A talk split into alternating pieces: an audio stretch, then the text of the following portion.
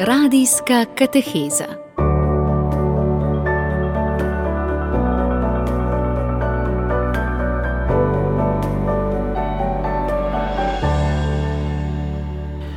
Dober večer, dragi prijatelji, ki tudi nocoj poslušate našo radijsko katehezo za bolnike. Z vami sva prijatelj bolnikov in starejši gospod Miro Šlibar in voditeljica sestra Meta Potočnik in sicer smo že v 50. katehezi. Lepa obletnica, kaj ne, ki govori o tem, da nas poslušate in da je gospod Miro zvest in ustrajen. Pa mu kar predajam besedo. Dober večer vam vsem želim. Ja, med tem, kar mislim, med tem, kar hočem povedati, tem, kar kdo misli, da bom povedal, tem, kar povem, tem, kar mislite, da poslušate, in tem, kar poslušate, oh, kako čudne besede. Ja, je vsaj šest razlik. Tako je zapisal en veliki poznavalec in spremljevalec bolnikov. Pogovarjamo se s človekom, z ljudmi, z Bogom. Pogovarjamo se tudi sami s seboj in tudi s čudovito naravo. Le kdo ve za naš skrivnostni pogovor na vršacih gora ali na morski obali. In zato bo nocojšnja tema prav o pogovoru, o komunikaciji, ko povemo bolj zvučeno besedo. Tako, torej zdaj vemo, o čem bova govorila, zelo pomembna tema.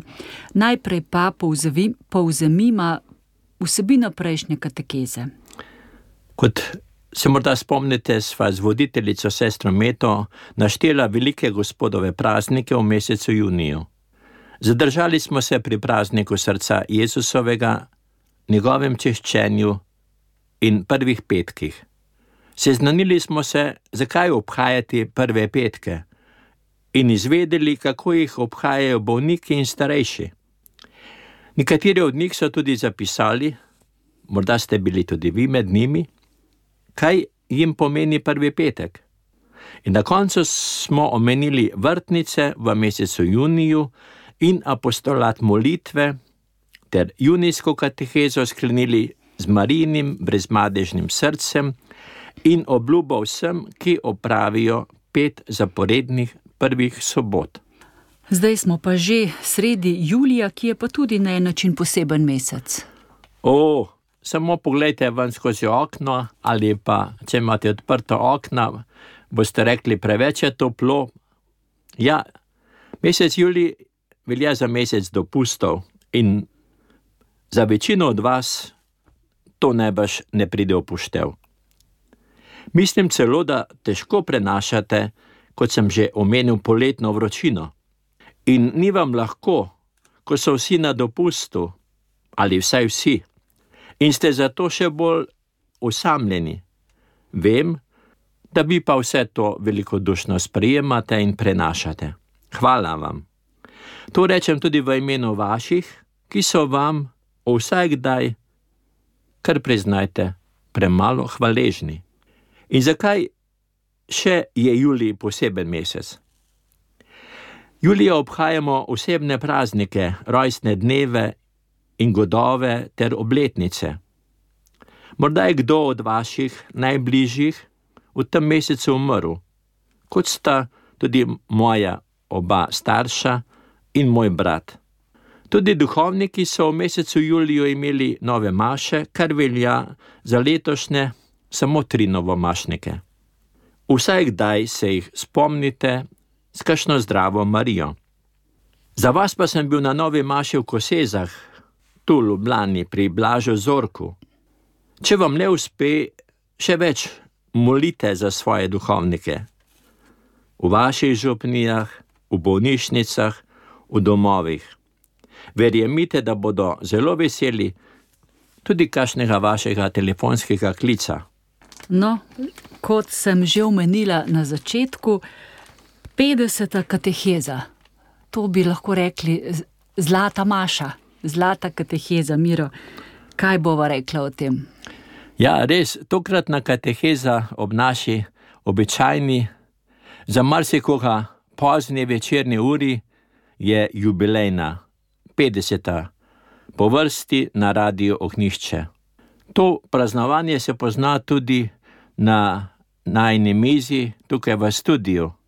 Žal vam ne morem ponuditi malo svežega sadja, dobrih piškotov, boronic.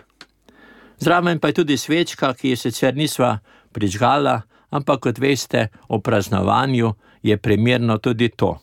Skupaj z vami sem neizmerno hvaležen uredništvu, ki omogoča, da se enkrat na mesec in čisto vsak mesec lahko slišimo.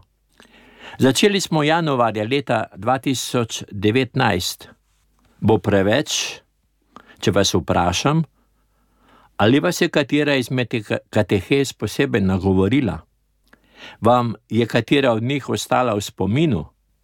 Vesel bom vaših odgovorov, pa tudi predlogov, o čem naj teče beseda v prihodnje. Morda mi povejte, kaj bi v mesecu avgustu radi slišali. Zavedam se, da z izbrano katehezo čisto vsem ne moremo ustreči. A vas kljub temu vabim, da še naprej ustrajno obiskujete naše veručne ure, tako v navednicah povedano. Dobro se spominjam prve kateheze, ki si jo poimenoval po sledeh Božjega Samarijana v spremljanju bolnih. Od tedaj se vsa leta trudim, da bi bil Samarijan.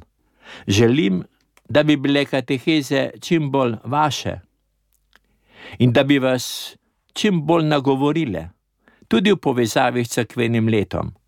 Kako nama to z voditeljico uspeva, pa boste povedali vi. Pa še nekaj. Med počitnicami običajno ni veruka in ni katehes, po radiju pa so. Tudi zato, ker mi pripovedujete, da ne želite takšnih počitnic. Tisti, ki jih želite in se hočete vdahniti, pa preprosto izklopite radijski sprejemnik. Da se vrnem na našo obletnico.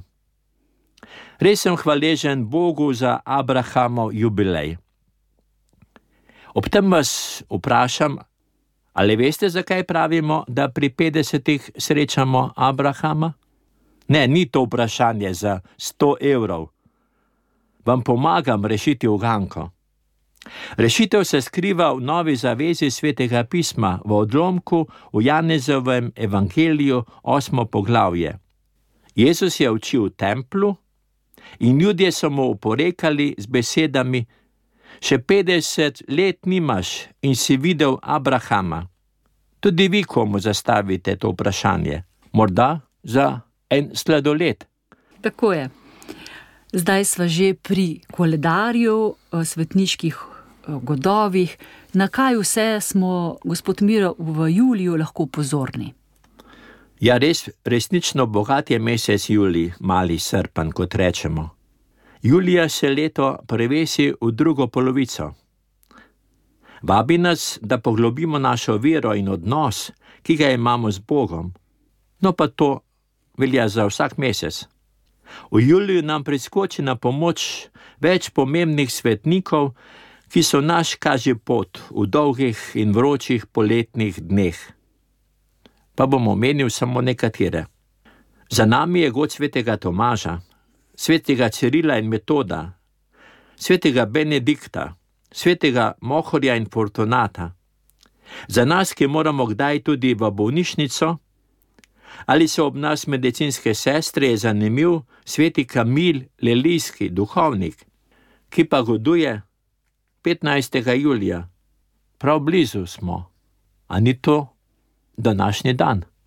Zakaj ga posebej omenjam? Ker zaradi poškodovane noge ni mogel vstopiti v kapucinski red, je službo poiskal v rimski bolnišnici. Prizadelo ga je, ko je videl, kako malomarne so bolničarke do bolnikov, in začutil je klic, da ustanovi redovno skupnost, ki bo namenjena negi bolnikov. Kamil je namreč v vsakem bolniku videl drugega Kristusa, kot pravi evangelist Matej. Karkoli ste storili enemu od teh mojih najmanjših bratov, ste meni storili. Ker je Kamil zavetnik bolnikov, bolnišnic in medicinskih sester, prosimo Boga, da nam po njegovih zaslugah da duha svoje ljubezni, da bomo služili bratom in sestram in prijeli milost srečne smrti. Omenim še sveto Marijo Magdaleno, svetega Krištofa, svetega Jakoba Starejšega in svetega Ignacija Lojolskega in sklenem z svetima Joachimom in Ano.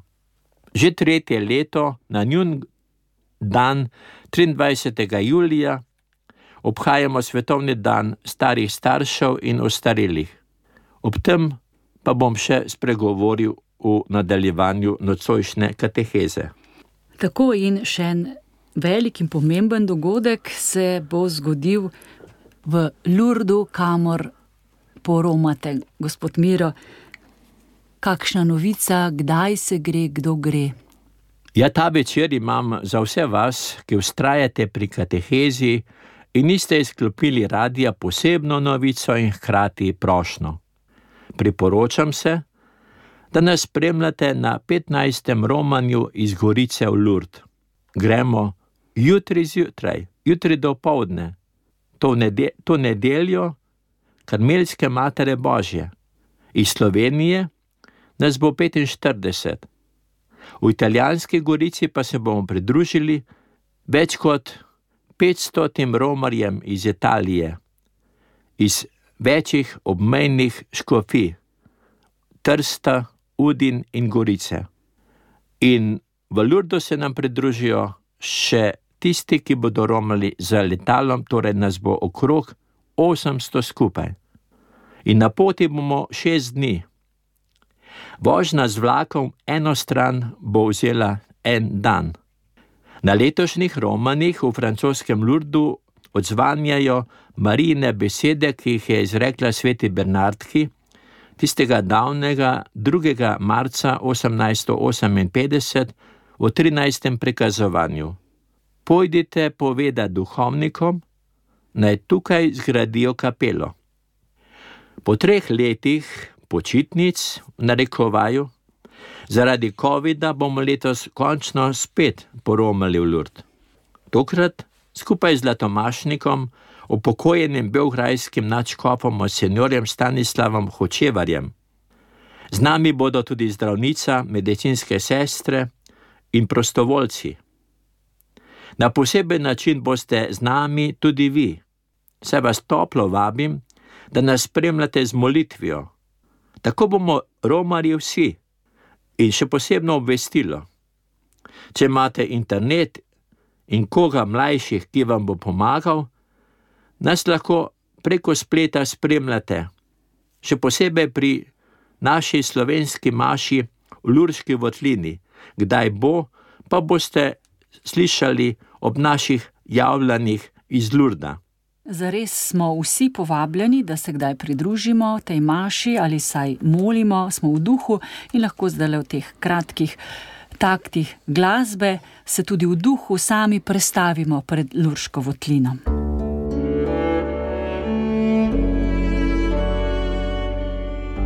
Poslušate podcast Radia Ognišče.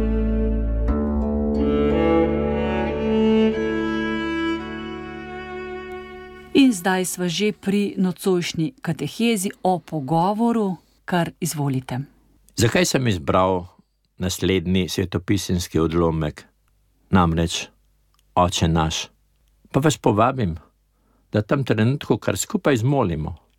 Oče naš, ki si v nebesih, posvečeno bodi tvoje ime, pridi k nam tvoje kraljestvo, skodi se tvoja volja kakor v nebesih, tako na zemlji.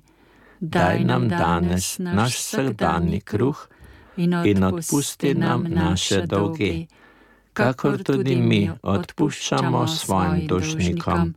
In ne opeli nas skušnjavo, temveč reši nas hudega. Amen. Sveti Augustin je zapisal: Preletite vse molitve, ki so v svetem pismu in ne verjamem, da bi mogli v njem najti kaj takega, kar ne bi bilo zapisano v gospodovi molitvi. Tako berem v katekizmu katoliške cerkve. In katekizem poudari tudi, da je na koncu amen, kar izraža, zgodi se, glede sedmih prošen. Tako naj bo. Tudi to je zapisano v katekizmu. Končno odgovarjam na vprašanje, zakaj sem za nocojšnjo katehezo izbral prav ta svetopisanski odlomek, ki bo naš kaže pot v temi o pogovoru in komunikaciji. Zgledujem se po tej molitvi, ki nas jo je naučil Jezus, da se z njo pogovarjamo z očetom. Prisluhnite sedaj temu, kar posebej poudarjam. Tudi sam sem nekaj novega slišal v razmišljanju načkopa Zoreta pri nedeljskem pogovoru na prejšnjo nedeljo. Ob evangeliju Slavim te, oče, Gospod, neba in zemlje, je takole razmišljal. To je Jezusov pogovor z očetom. Namreč, slavim te, oče, Gospod, neba in zemlje in naprej. Oče naš, pa je Jezusov predlog, če tako povem v navednicah, kako naj se mi pogovarjamo z očetom. Saj Jezus ni potreboval odpuščanja, pa kruha mi pa kar mislimo, da je to Jezusova molitev eh, k očetu. Nas je hotel naučiti, kako se obračamo na očeta. Res priznam, da je to novo gledanje na gospodovo molitev za me, morda tudi za vas. V zadnjem času posebej izbrano molim to molitev, zlasti pri sveti Maši, Ko duhovnik prime pateno s hostijo in kelih ter moli po Kristusu s Kristusom in v Kristusu tebi, vsemogočnemu Bogu Očetu, v občestvu svetega duha, vsa čast in slava na vse veke vekov. Bodite na to molitev, ki izklene evharistično molitev, pozorni tudi vi, pa čeprav ste pri maši po radiju ali televiziji. Ja, pozorni, kako se Jezus pogovarja z očetom v omenjeni molitvi. Slavim te in kako nas je naučil, kako molimo k očetu. Ja, to so zelo res globoke besede. Slavim te, oče. In tukaj lahko izpostavimo to, da nam je Jezus zgled molitve, da bi se učili od njega. Je tako? Tako nadaljujem s prejšnjo pripovedovanjem. Jezus je zgled, kako se pogovarjati z očetom in z ljudmi. Razlaga svetopismo, govori v prilikah, namreč Jezus se pogovarja v zavetju domov, govori na trgih, cestah, bregovih jezer, vrhovih gora. Osebno srečanje z njim tudi ne pušča neprizadetih, ampak jih spodbuja k posnemanju. Ne pozabite besed, ki sem jih ravno kar izrekel ob molitvi oče naša, da je Jezus predlagal, kako naj mi nagovarjamo očeta. Ni dovolj zgled, moramo moliti tudi sami. Tako je, ne? Ja, dragi vsi, ki poslušate katehezo, priznajte, da pridijo ure, ko se kljub človeški pomoči počutite osamljeni, celo malodušni in žalostni. V teh urah pa vendarle obstaja nekaj, česar nam nihče ne more vzeti. To je molitev, ki je naš osebni pogovor z Bogom. Kogar molitev spremlja že od mladosti, ima tudi v bolezni in starosti za njo dovolj notranje moči. Pa bom spet povedal, ne čakajte in ne čakajmo, da bomo starejši in bolni, da bomo takrat molili. Morda se spominjate molitvenega Ostani z nami, Gospod. To je prošna, izraz trdne vere in zaupanje, da tudi v bolezni in pripravi na slovo od tega sveta, Gospod ostaja z nami. Ker se zavedamo, da smo v bolezni in molitvi povezani z drugimi, je prav, da prosimo za vse, ostani z nami, Gospod. Ne samo z menoj. Prošnja pa ima tudi oseben pomen. Tudi ostani z menoj, Gospod. Verujte, da je v bolezni Gospod z vami in da bo z vami ostal vse do trenutka, ko vas bo poklical k sebi. Besedam dodajam še zagotovilo, da se vas vedno spominjam v molitvi in tudi sam se vam zahvaljujem za vaše molitve in za žrtve, ki jih darujete za druge. V veliko to lažbo nam je lahko zavedanje, da smo vsi zdravi, bolni, starejši, ena velika družina, ki drug drugega spremljamo z molitvijo. Tudi če ne zmorete več moliti, čez dan in v prečutih nočeh recite: Ostani z nami, Gospod. Tako nekaj o molitvi, o pogovoru z Bogom, ki pa, je, ki pa se mora preliti, a ne tudi v pogovor z drugimi. To dvoje gre skupaj.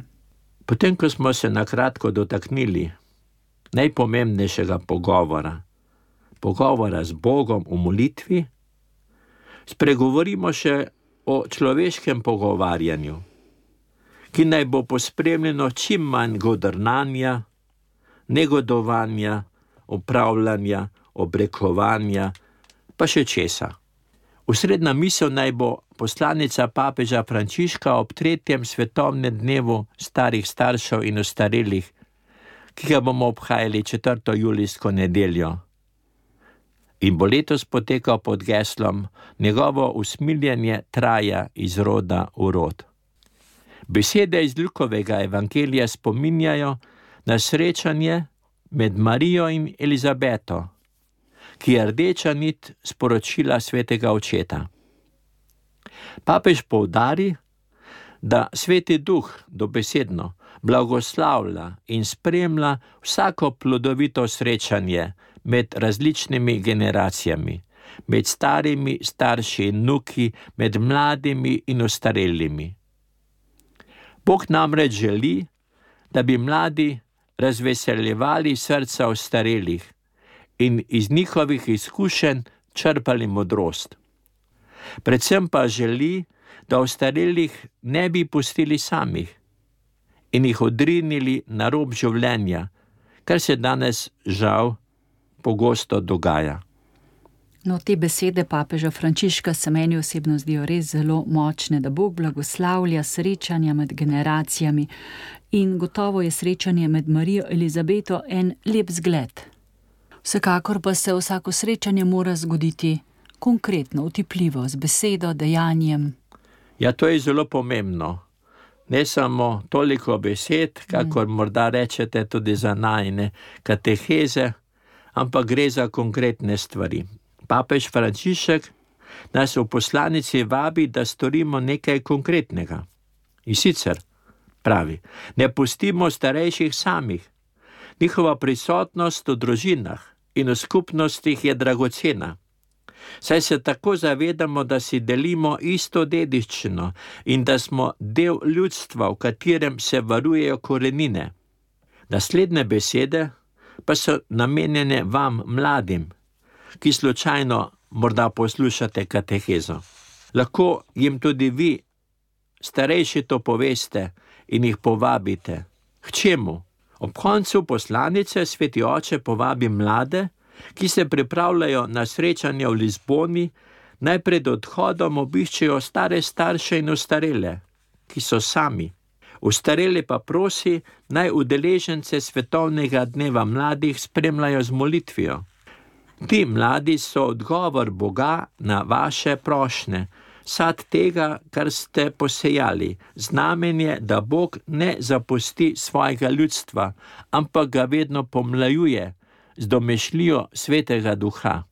Tako zdaj pa je priložnost, da lahko poveva nekaj konkretnih stvari, na katere smo lahko pri, pozorni pri pogovoru z drugim. Že sem omenil pogovor ali pa kot rečemo, bolj učena komunikacija. Kaj pa je ta beseda, pa kaj pomeni? Izraz izvira iz latinske besede komunikare, kar pomeni razpravljati, vprašati za nasvet, posvetovati se. Slovar slovenskega jezika komunikacijo opredeljuje kot izmenjavanje, posredovanje misli, informacij. Komunikacija je sporočanje naših misli, pogledov, prepričanj, želja in čustev z uporabo besed. Sporočamo z govorom, pisano besedo, gestami, obnašanjem in podobno. S pogovorom urejamo medsebojne odnose, se razbremenimo težav in se sprostimo. Če nekomu povemo, povemo kaj nas teži, občutimo olajšanje in se pomirimo. To sam doživljam in sem doživljal pri sebi in pri drugih. In najprej, najprej gotovo to tudi vi čutite pri sebi. Ko nekomu nekaj poveste, vam je lažje. Vprašamo se, zakaj komuniciramo, se pozdravljamo, pogovarjamo. Ker želimo nekaj sporočiti, v nekaj prepričati, kot sveta Bernardka ob zasliševanjih. Želim samo povedati, kar mi je naročila Marija, ne pa vas prepričati. Torej, če ste razumeli, da s pogovorom želimo nekoga prepričati v naš prav, to ni pravilno. Mi samo povemo. Ljudje vse čas komuniciramo. Zanimivo. Tudi s tem, ko smo tiho. Okolici sporočamo. Močanje lahko pomeni, da potrebujemo čas zase in da ne želimo, da nas motijo, da smo sramežljivi in da nam je nerodno vzpostaviti stik. Komuniciram z vsem svojim bitjem, torej ne le z besedami, uporabljam kretne, obrazno mimiko. Sporočanje je tudi naše vedenje, stil oblačenja, ton glasu, kakšen je najn glas. Če sem čisto konkreten, sedaj se tudi vi pogovarjate, komunicirate, ko molče, morda osamljeni, poslušate to katehezo. Ali pa tudi vi, ki se peljete z avtom ali ste v nočni službi. Preden se začnemo pogovarjati, moramo vedeti, kaj želimo povedati. Biti moramo jasni in razumljivi. V pogovoru je nič manj kot govorjenje, pomembno poslušanje. Sprejeti moramo sogovornikovo sporočilo in biti pozorni na vsebino. Sogovornikom moramo vzpostaviti očesni stik, saj oči največ povedo o nas. V očeh zaznamo dobrodošlico, veselje, žalost, dobronamirnost, sovraštvo, prezir, ljubezen, krepenenje, strah. Oči so ogledalo naše duše, kot radi rečemo, so izraz razuma.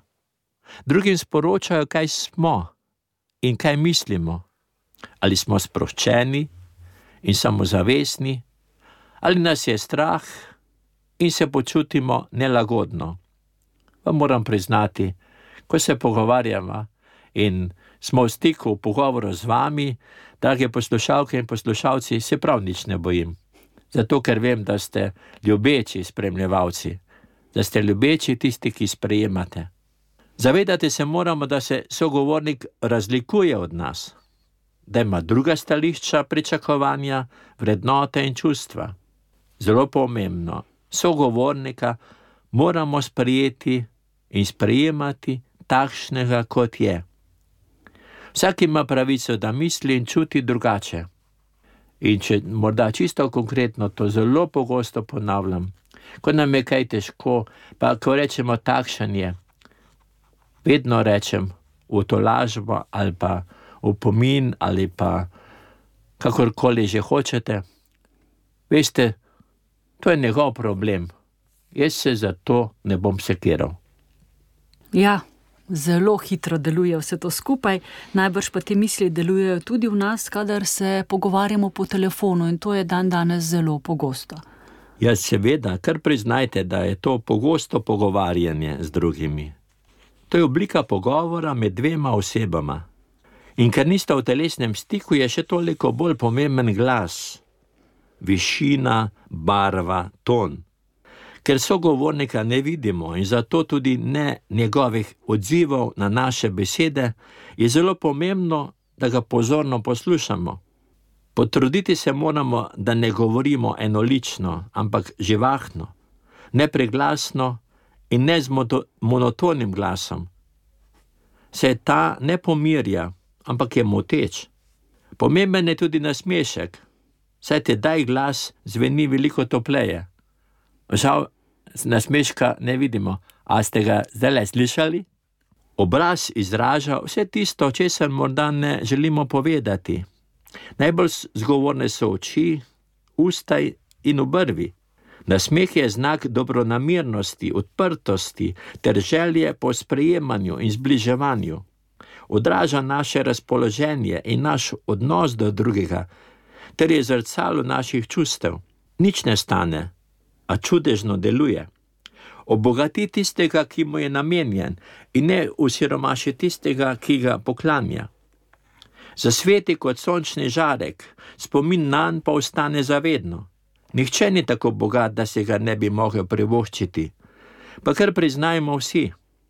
Nekom bi se pogovarjal uro in dve in več, z nekom pa, ko ga že zaslišiš, njegov glas bi najla, najraje takoj odložil slušalko. Gospod Miro, ko že govoriva o pogovoru, ne smeva pozabiti tudi na pogovor samim seboj. Ja, se niste pozabili. Začeli smo pogovor z Bogom, nadaljevali s pogovorom med seboj, pa sklenemo še s pogovorom s seboj. Pa se vam to zdi čudno? Ne motim se, da ga pri vas, starejših in bolnih, ne manjka, namreč pogovora s seboj. Ni nujno, da v sobi, na posteli ali na vozičku govorite. Dovolj je, da se potopite v mok, občudovanje, tudi za zaprtimi očmi. Danes to na poseben način počnejo številni, ki, kot rečemo, meditirajo, premišljujejo. In prav v samostanu, kjer sem marine sestre, so zelo veliko v molku, meditirajo, se pogovarjajo z Bogom in tudi s seboj, kako stojijo v poklicu, ali pa vi v starosti, bolezni. Tako ni nujno, da so redovniki redovnici minihi tisti, ki meditirajo, ki se pogovarjajo s seboj. Kako zgovoren je pogovor pa v naravi, ob žoborenju potoka, odarjanju morja ob skale, letenju jate ptic. Prepričan sem, da sem vas vse malo predstavil iz vašega vsakdanjika. Nič ne de, če pri tem tudi malo zadremate. In zdaj pride prav trenutek, ko bomo prisluhnili, kako o tem pogovoru s seboj razmišlja invalidka na vozičku. Če se že dolgočasite, ne vas prebudi invalidka, ki mi večkrat kaj zapiše in jo nekateri poznate, tudi po večjih napisanih knjigah. Tako je zapisano. Pogosto ko sem sama v sobi za pisalno mizo, razmišljam in si govorim, da imam srečo, ker sem našla vero, ker imam upanje in ker neizmerno ljubim Boga očeta in vse, kar je Božjega. Pogledam razpelo, na katerem visi sin očetov in si mislim, Bog je tako zelo ljubil človeka, da je dal ljudem svojega sina. Zato bodimo tudi mi dobri do Boga, ter ga spoštujmo in ljubimo. Tiho torej spregovorim z Bogom in mu rečem: Bog, pomagaj mi, da bom zdržala vse te gobe, kot jih je zdržal tvoj sin Jezus. Tedaj se odprejo vrata in v sobo stopi moj dober prijatelj. Pozdravi vas, Bog dej. Prijatelj mi poda roko me poboža po laseh in tiho vpraša, ali zelo trpim. Odgovorim mu, da dokler ljubim, ne trpim, ampak svoje trpljenje darujem Jezusu, Božjemu Sinu.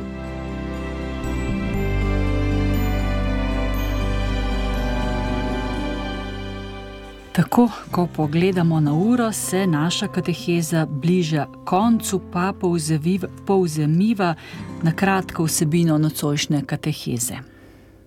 Ja, z vami, sestra Meta, sva, se, sva povedala, da je nocojšnja kateheza že 50. 50 po vrsti. Hvala radiju Ognišče. prejšnji voditeljci Damjani Medved, pa sedanji in vsem, ki sodelujejo pri njihovem ustvarjanju. Tudi nocoj sva z voditeljico najprej obnovila vsebino prejšnje kateheze, ki je bila v srcu Jezusovem in Marinem, ter v prvih petkih in prvih sobotah.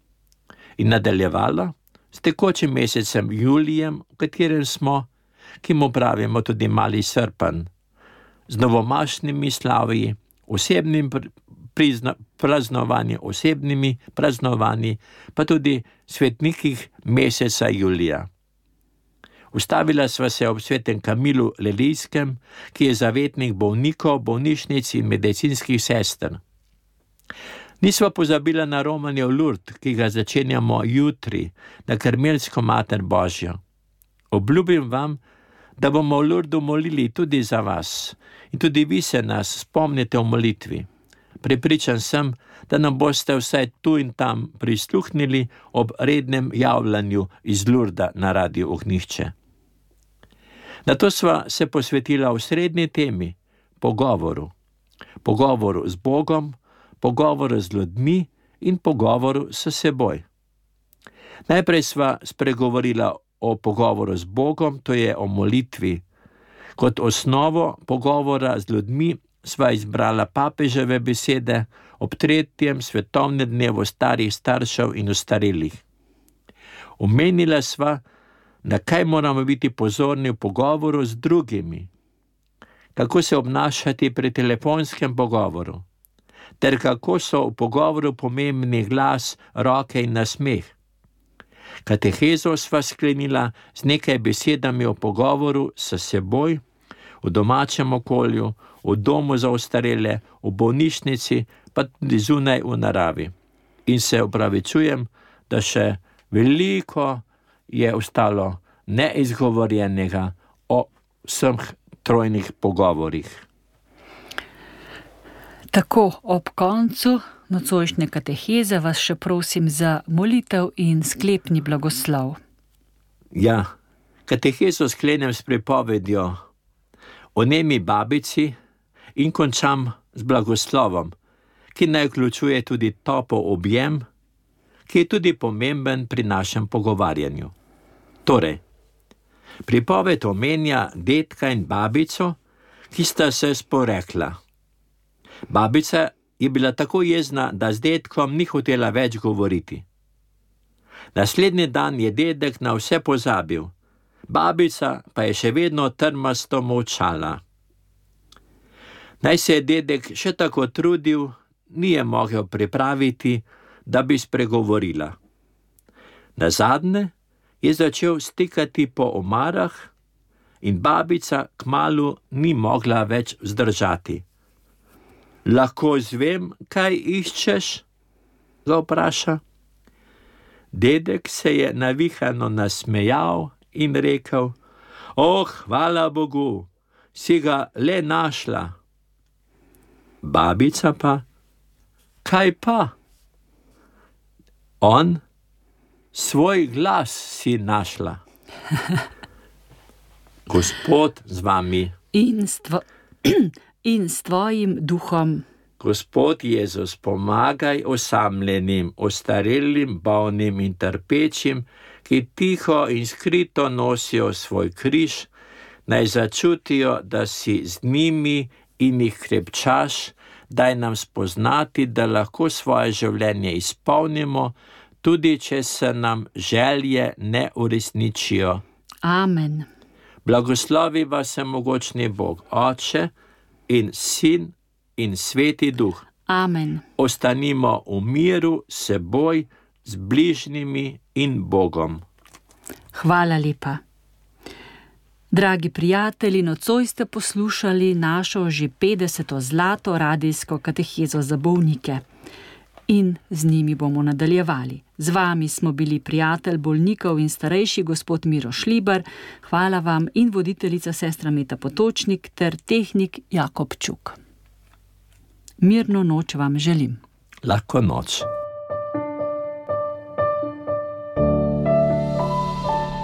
Radijska kateheza.